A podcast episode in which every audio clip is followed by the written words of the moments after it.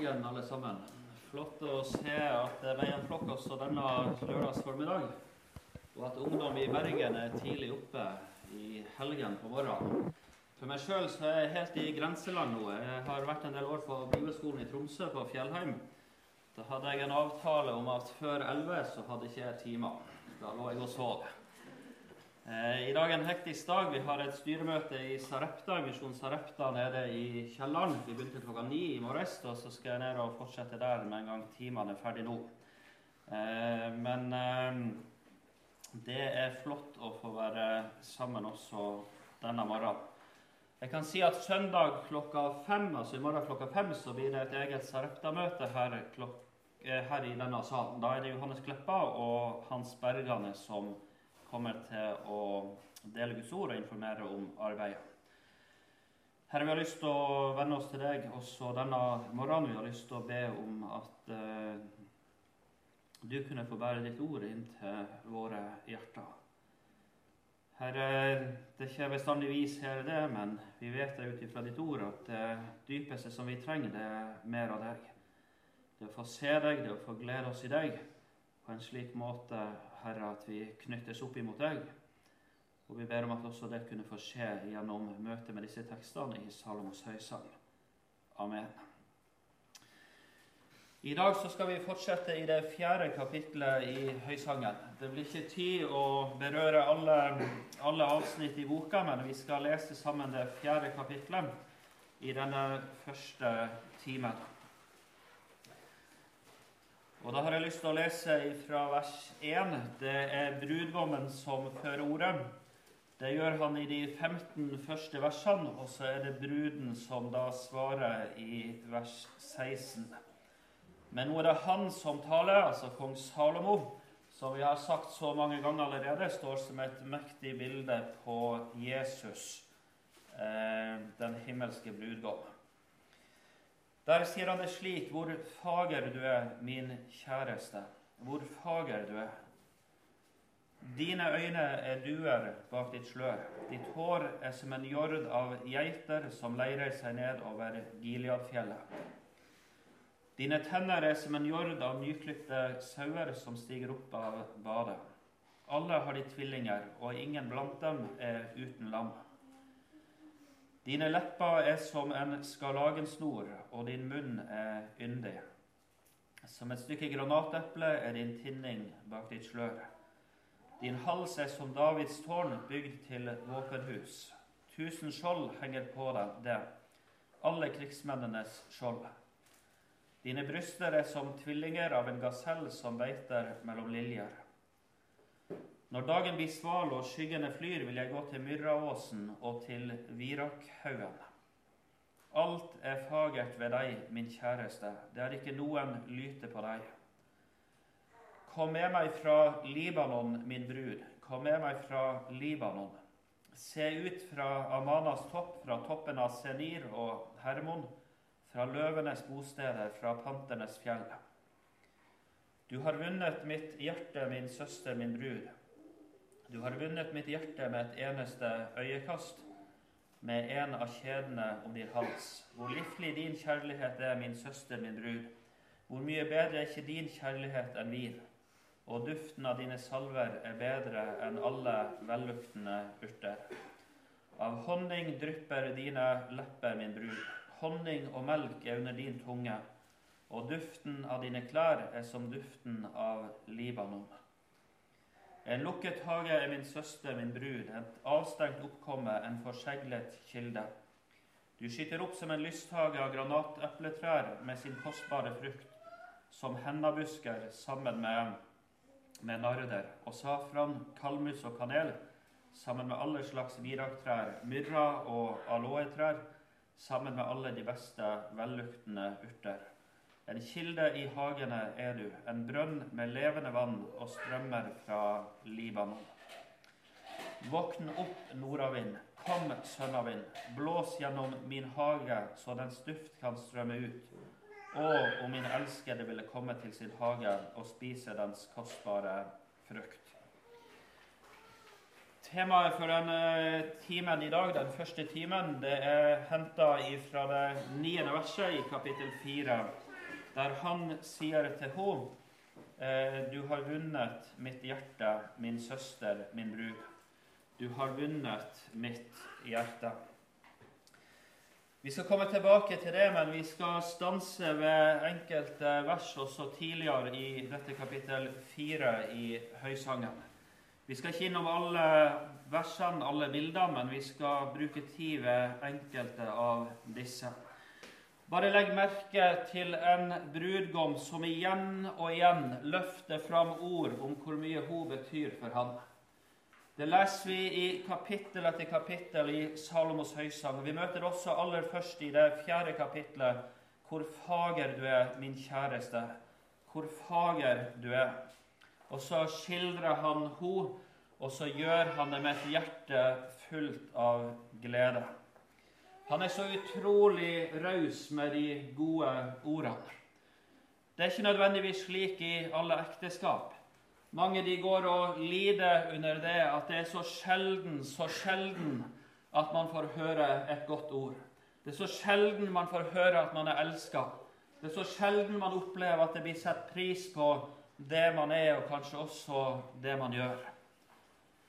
I møte med Jesus som brudgom så møter du en som er så utrolig raus med de gode ordene. Han er ikke redd for å sette ord på hva han tenker, hva, han, hva, hva du betyr for ham. Og så møter du det igjen aller først i dette kapitlet, hvor fager du er, og min kjæreste. Det sa vi noe om en kveld tidligere. Vi kan ha mange kjære, mange vi er glad i, mange som er kjære for oss. Men vi har bare én kjæreste. Den som betyr aller, aller mest for oss. Og så er det akkurat det ordet han bruker når han ser deg og åpner sin munn for å bære ord inn i ditt liv. Min kjæreste, sier han. Tenk å være hans kjæreste. Eh, det tredje verset, der sier eh, brudgommen noe om hennes munn. Vi var innom det i den første timen. Da setter hun fokus og retter oppmerksomheten på hans munn. Her setter han eh, fokus på hennes munn og sier det sånn Dine lepper er som en skarlagensnor, og din munn er yndig. Det er egentlig et ganske sterkt uttrykk å få møte fra brudgommens munn. Han ser på munnen hennes, og så sier han det at 'din munn er yndig'. Din munn er yndig.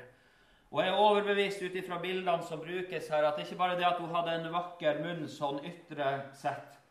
Han ser hennes munn, og så sier, så sier han det at den er yndig. Din munn er yndig.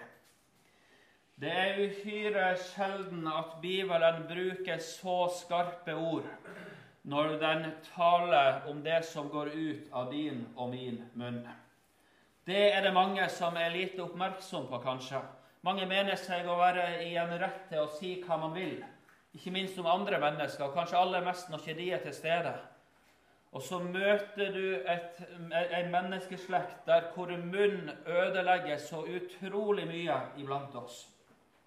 Hvor mange er det ikke som bærer med på sår i årevis fordi at det er sagt noe i uforstand eller i uvett, og så har det bora seg fast eh, og skapt så utrolig mange vonde ting.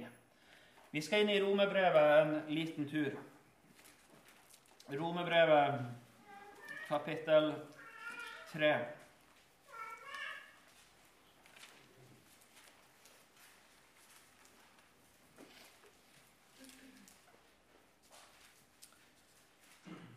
Der står det sånn fra vers 12 og utover.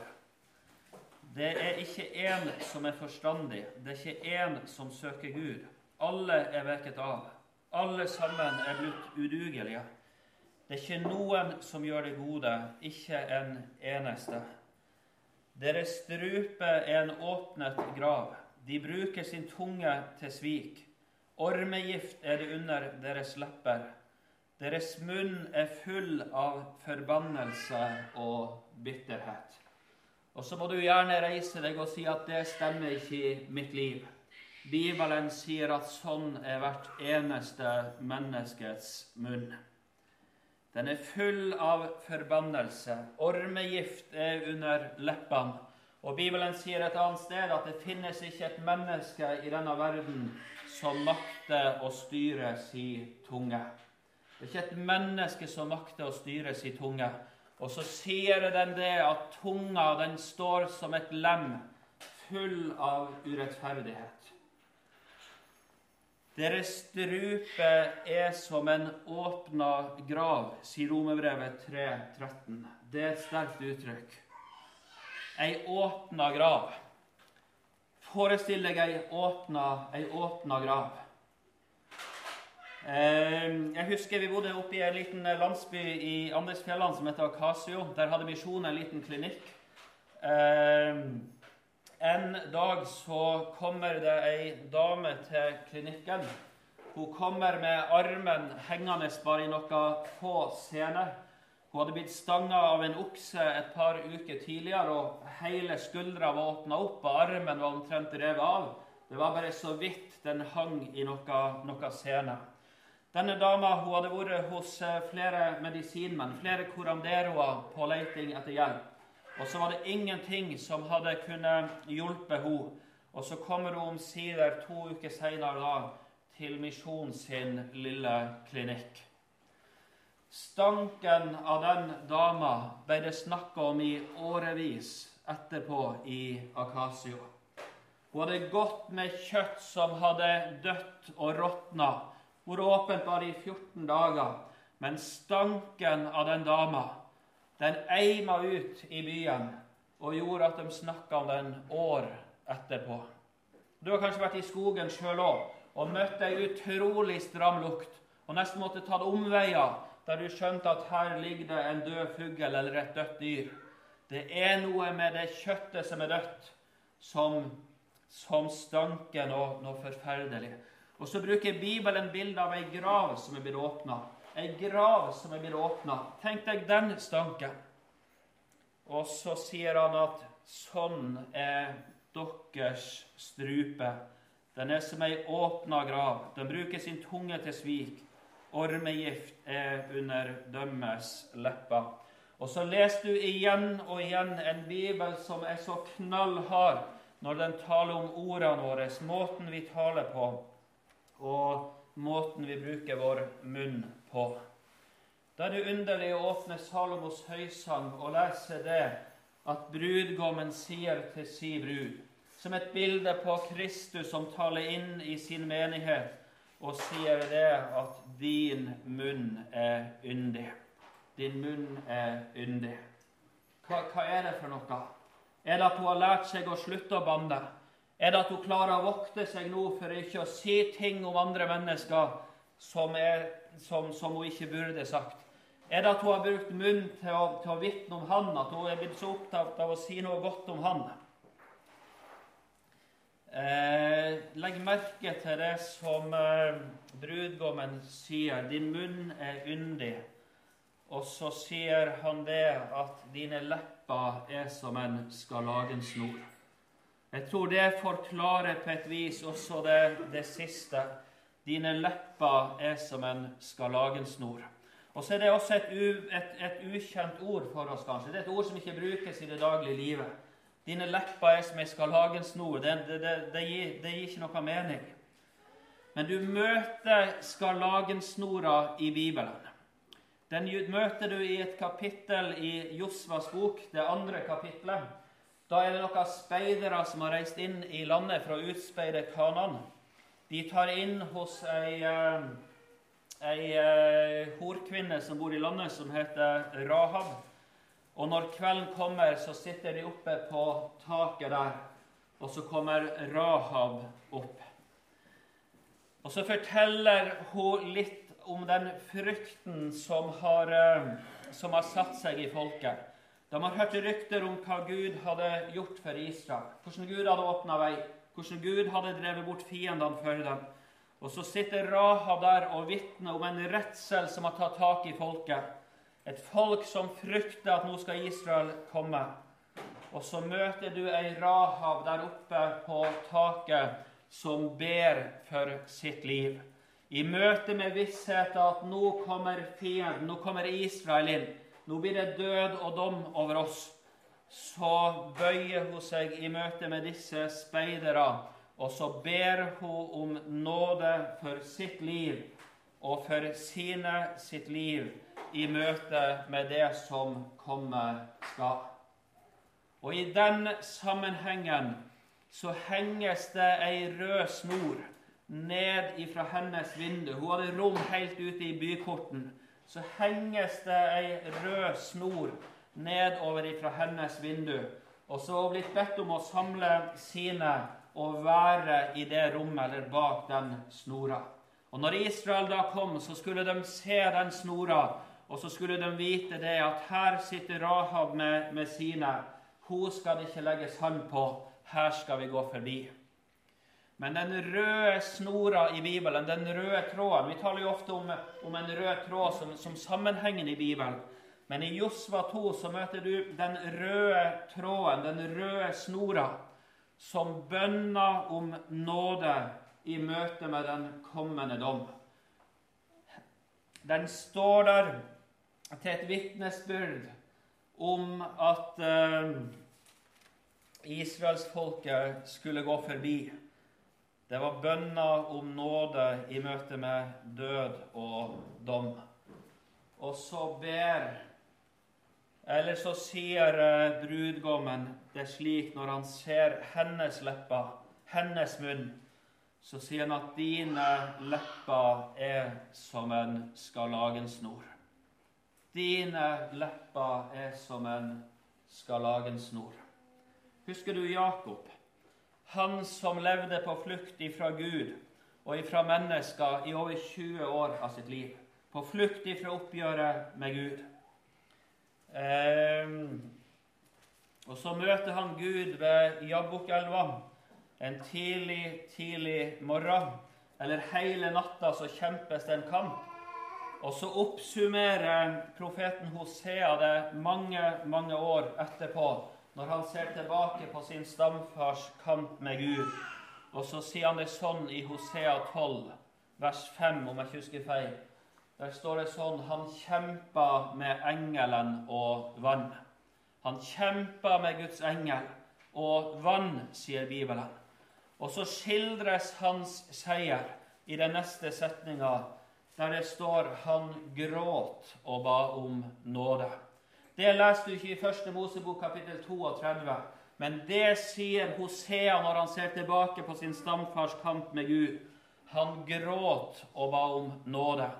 Han kjempa med engelen og, og, vann, står det. Og så er det nesten litt underlig, for man skulle tro at det sto det at han kjempa med engelen og tapte. Han gråt og ba om nåde. For jeg husker det i hvert fall på skolegården hjemme når vi røyker tottene på hverandre, vi ungene. Og til slutt så ble en sittende over den andre, skrefs over den andre, etter hvert med en løfta knyttneve og skulle slå til. Og så var det en som kunne rope 'nåde' der han lå. Da hadde han tapt. Da var all ære ute. Da var svakheten åpenbart for alle. Det å rope om nåde det var det verste du kunne gjøre som en liten guttunge. i en sånn sammenheng. Da tapte du. Da var alt ute.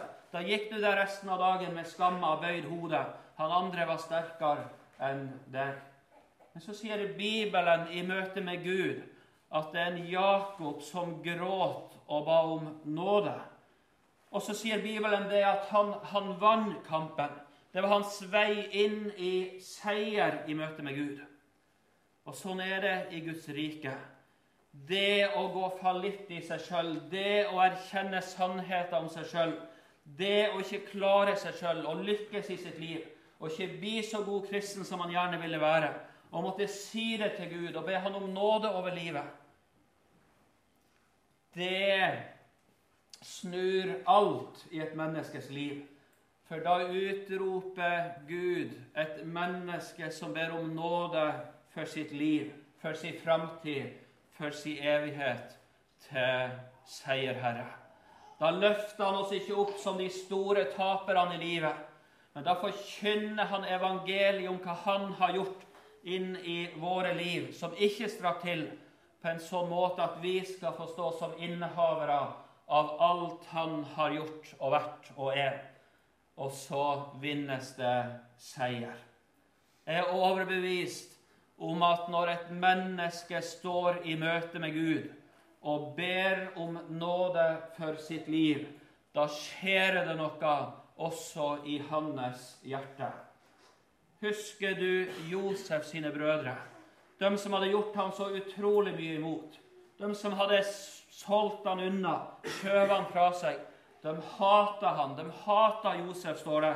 I hvert fall tre ganger i det første kapitlet, der du møter Josefs livshistorie løfta fram.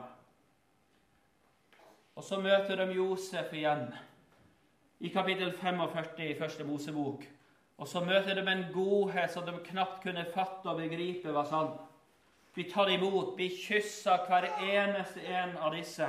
En Josef som kaster seg om, arm, om halsen på dem, tar dem i sine armer og er så utrolig god imot dem. Og Så går det ei stund, og så dør Jakob, far deres. Og så står de med en uro. De begynner å, bli, de begynner å kjenne på en redsel i livet sitt. Tenk om han Josef nå kommer til å reise seg og hevne seg på oss. Tenk om han gjør det for alt det som vi har gjort imot ham.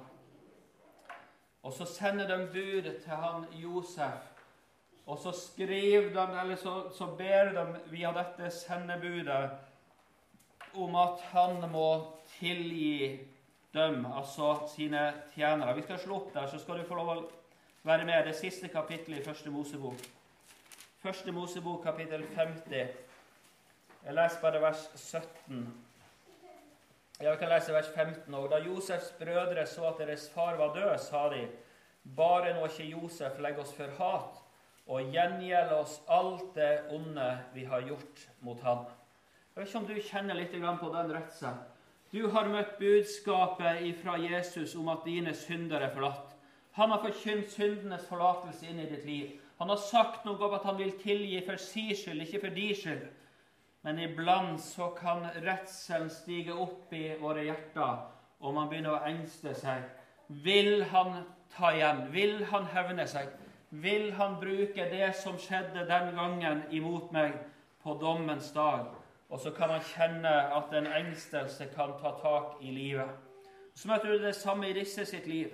Og så sender de et bud eh, i vers 17. Så skal dere si til Josef Kjære, tilgi dine brødre deres misgjerning og deres synd, da de handlet så ille mot deg. Nå ber vi tilgi oss vår misgjerning, vi som også tjener din fars Gud. Husker du hva det står videre? Husker du hva Josef da gjør, eller hva det står om Josef? Da står det så ufattelig fint, han som står som et bilde på Jesus. Og Josef gråt da de talte slik til ham noen brødre som står og er så redd for at, for at det skal løftes opp igjen, det som har skjedd i fortida. Det de har fått tilgivelse for. Og så står de der i frykt, og så ber de enda en gang om tilgivelse i sitt liv. Og så står det med en Josef som gråt. Tårene renner over kinnene på, på Josef mens han møter sine brødre. At man kan tenke sånn At man ikke kunne tro det at jeg skulle gjengjelde det. Det er jo borte, det er jo løfta ut av historien. Det er jo borte vekk. Så gråter han i møte med de som bærer på en redsel over at han skal reise seg og hevne seg imot dem. Det er ingenting som er så kjært for Jesus som når du får komme og si sannheten om ditt liv og få rope om nåde for de syndene. Jeg håper ikke det blir ei fremmed erfaring i livet ditt.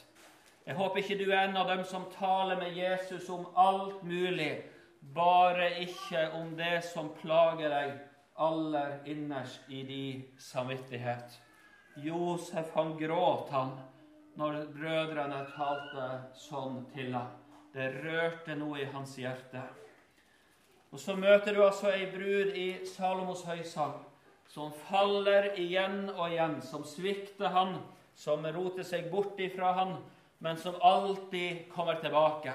Og uttrykk eller bilder av dua løftes fram igjen og igjen. Dua som flyr ut, men, men som må tilbake, som må tilbake, og som må tilbake. Og så møter du helt sikkert ei brud som også står der og taler ut om det som har skjedd i hennes liv. Og så er det en brudgom som taler inn til henne og sier Og nå sier han ikke det at din strupe er som ei åpna grav, men han sier det at din munn er yndig. Dine lepper er som ei skarlagensnor.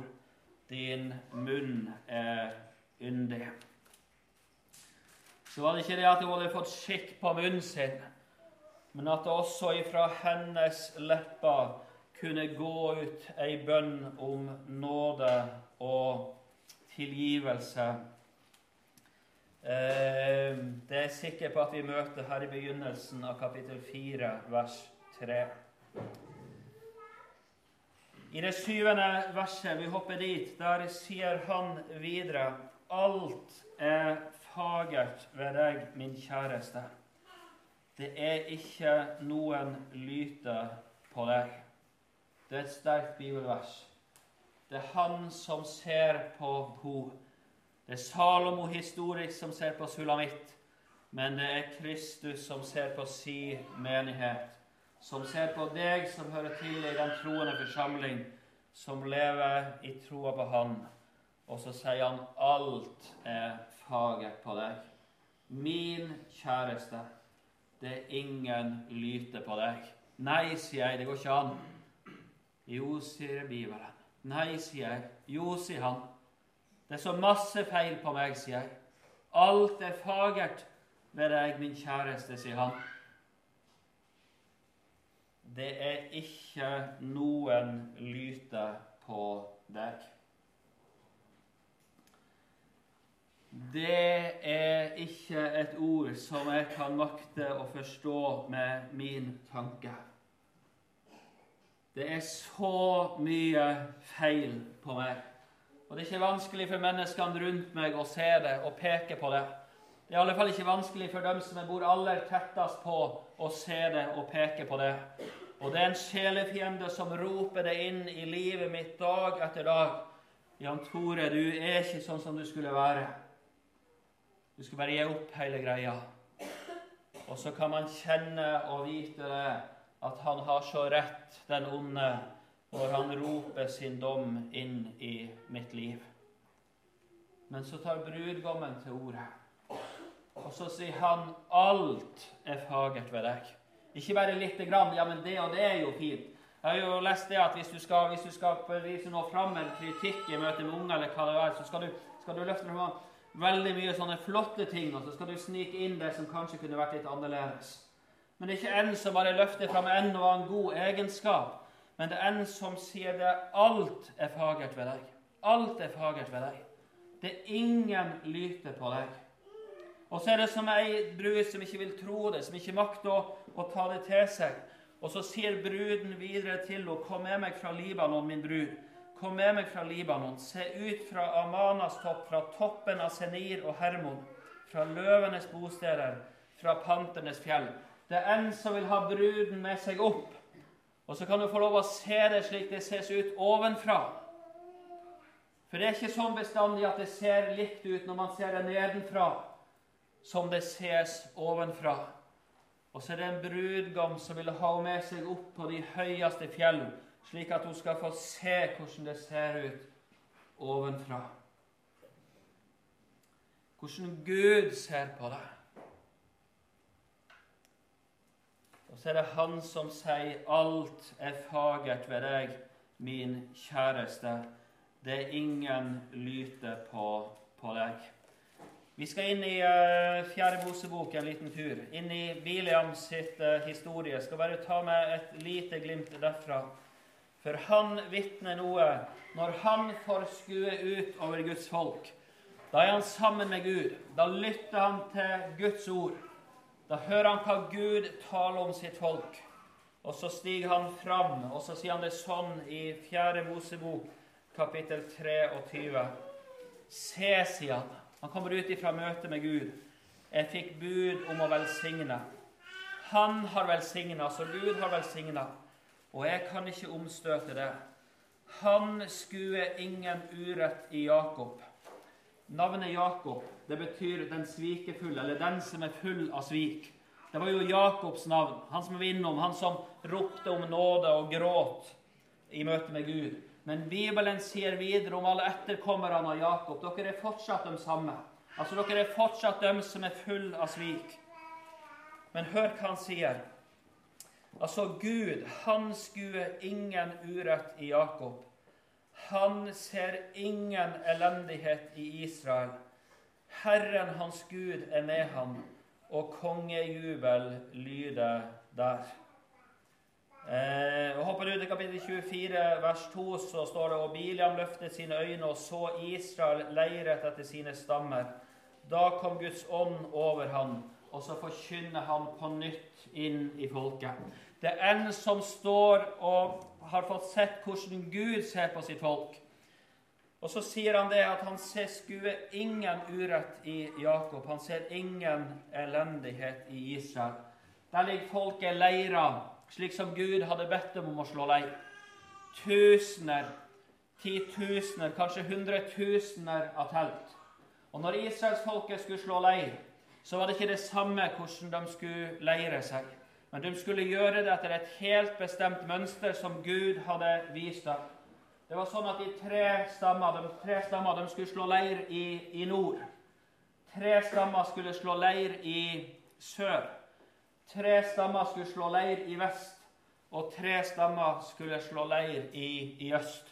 Når du gikk nede i teltleiren, så så du bare telt etter telt etter telt.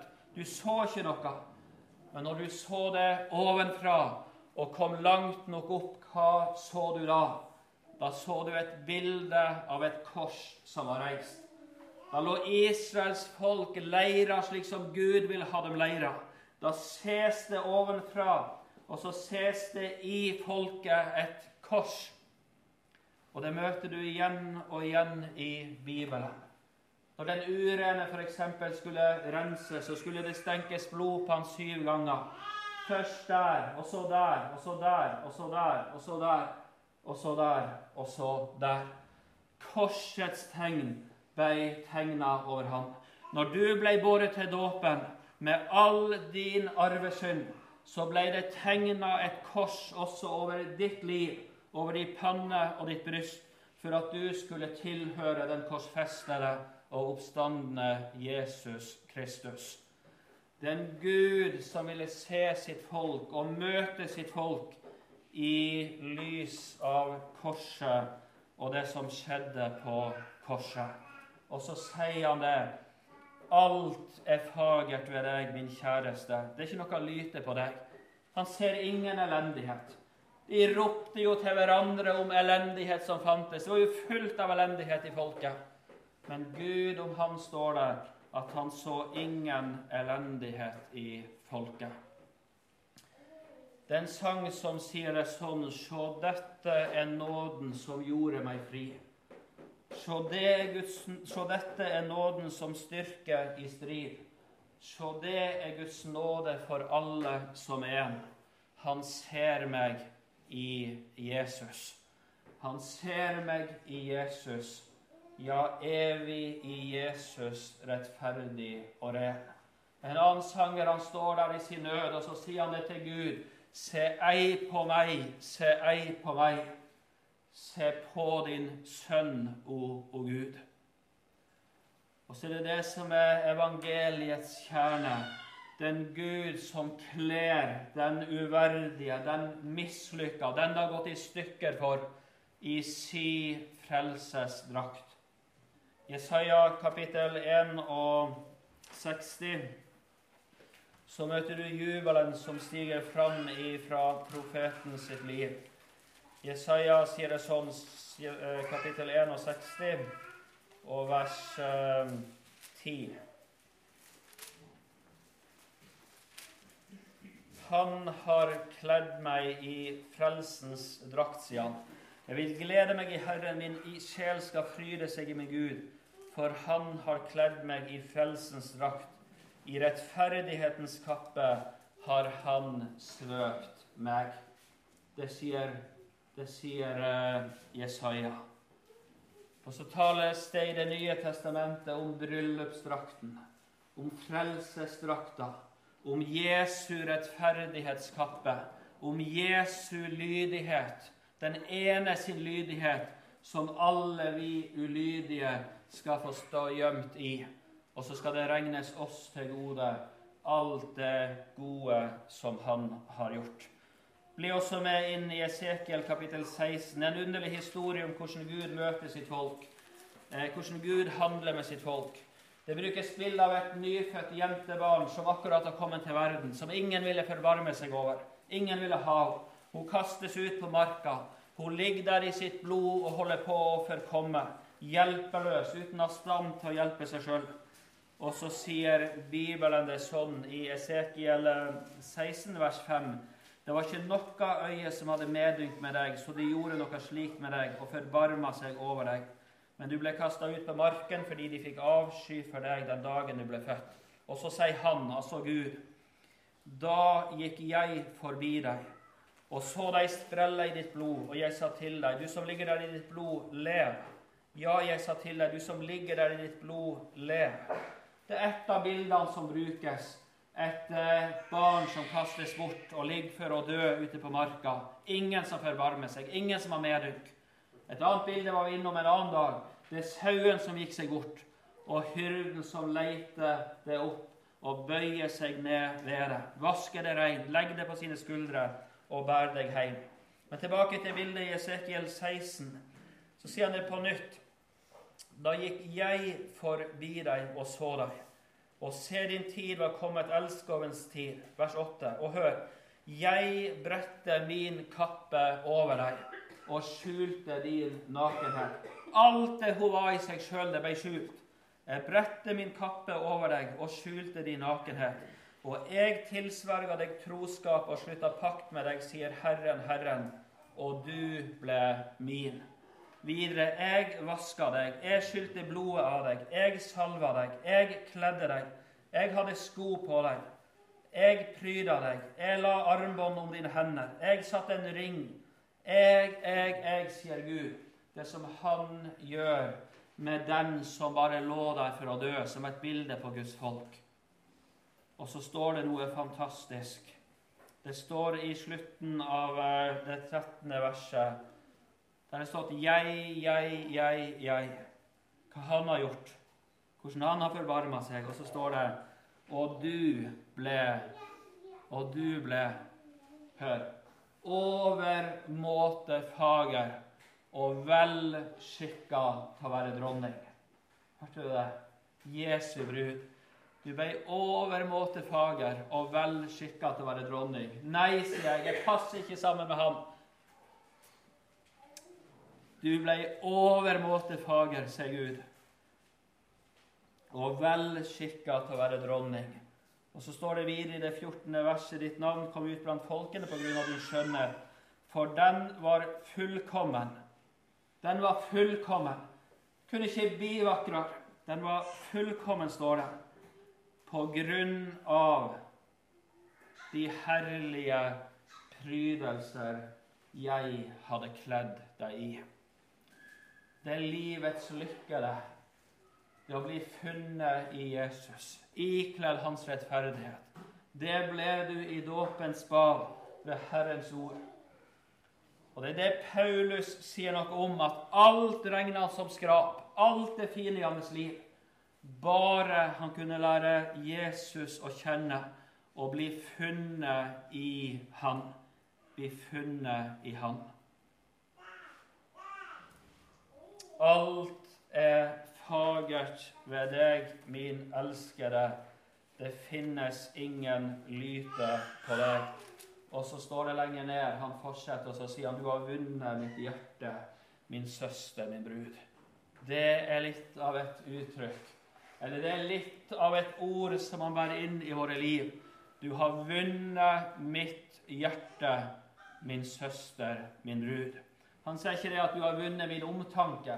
Du har vunnet min medlidenhet. Du har vunnet en dag av, av, av mitt liv, av min tid.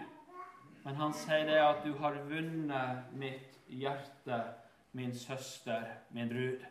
Vi kan snakke om å vinne i Lotto, vi kan drømme om å vinne i Lotto, men hva er vel det imot det å vinne hjertet til den aller største, den aller beste, den aller rikeste? Det er så mange som går rundt i troa på Jesus og opplever at de er til en plage for ham, til en byrde for ham, og er redd for at nå kommer dagen snart da han kaster meg bort, han blir luta lei av meg, da han ikke vil ha mer med meg å gjøre. Da trenger vi sånn å få komme nær og få møte det budskapet som går ut ifra hans lepper, om hvordan han ser på den som hører han til, den som han har fått frelse, den som han har fått vaska rein, den som han har fått tilgi, den som han har fått kledd i sy rettferdighet. Alt er fagert. Og så var det ikke en tung plikt for han, men det var hans hjertes lengsel. Du har vunnet mitt hjerte, min søster, min brud. Det er noe annet enn å gå forbi en hjelpeløs stakkar og virkelig ta i og legge en hundrelapp i handa på ham, der han sitter med ei utdrakt hand.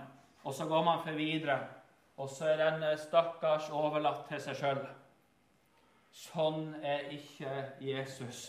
Han vil ikke bare gå forbi og hjelpe deg med det og det i livet, men han ville ha deg i samfunnet sitt. Han nyter det å få lov å være sammen med den som hører han til. Det er hans attråd. Til meg står hans hus, sa bruden i høysangen. Hvordan vant du Guds hjerte? Ja, det kan vi spørre om. Hva er det som gjør at hans hjerte brenner av kjærlighet i møte med oss? Ja, det gjør det ikke på grunn av oss. Det er det fordi at sånn er han. Sånn er han. Sånn er hans vesen. Sånn er hans hjerte. Men det står ei setning som vi skal legge merke til.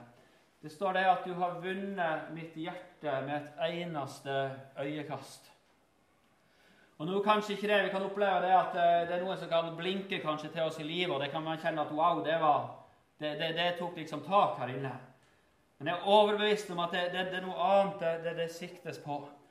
Han sier det senere i Salomos høysag. Vi skal bla oss inn i det syvende kapitlet. Så står det sånn Dine øyne er som vanndammene i Hesbon ved Batrabims port.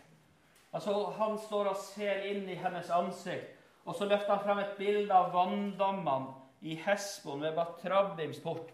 Altså, Han ser inn i et ansikt der hvor tårene renner, der hvor tårene strømmer ut. Jeg kan ikke lese Høysangen 4.9 uten at min tanke går til Lukas kapittel 22, der hvor Bibelen sier at Jesu blikk møter Peter sitt blikk.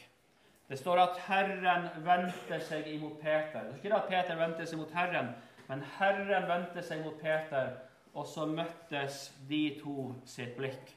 Lukas 22, 51. Hva tror du Jesus så inn i da? Da har akkurat han galt for tredje gang. Da har Peter blitt var sine brutte løfter, og så står han der, sikkert helt dønn fortvilt i møte med det han har gjort. Han gikk ut rett etterpå, og så gråt han bittert, sier Bibelen. Hva så Jesus inni? Hva så Jesus inni? Han så i alle fall ikke inn i øya på en disippel som lyste av stolthet og tilfredshet med seg sjøl. Han så ikke inn i et par øyne som vitna om at han var så mye bedre enn alle de andre.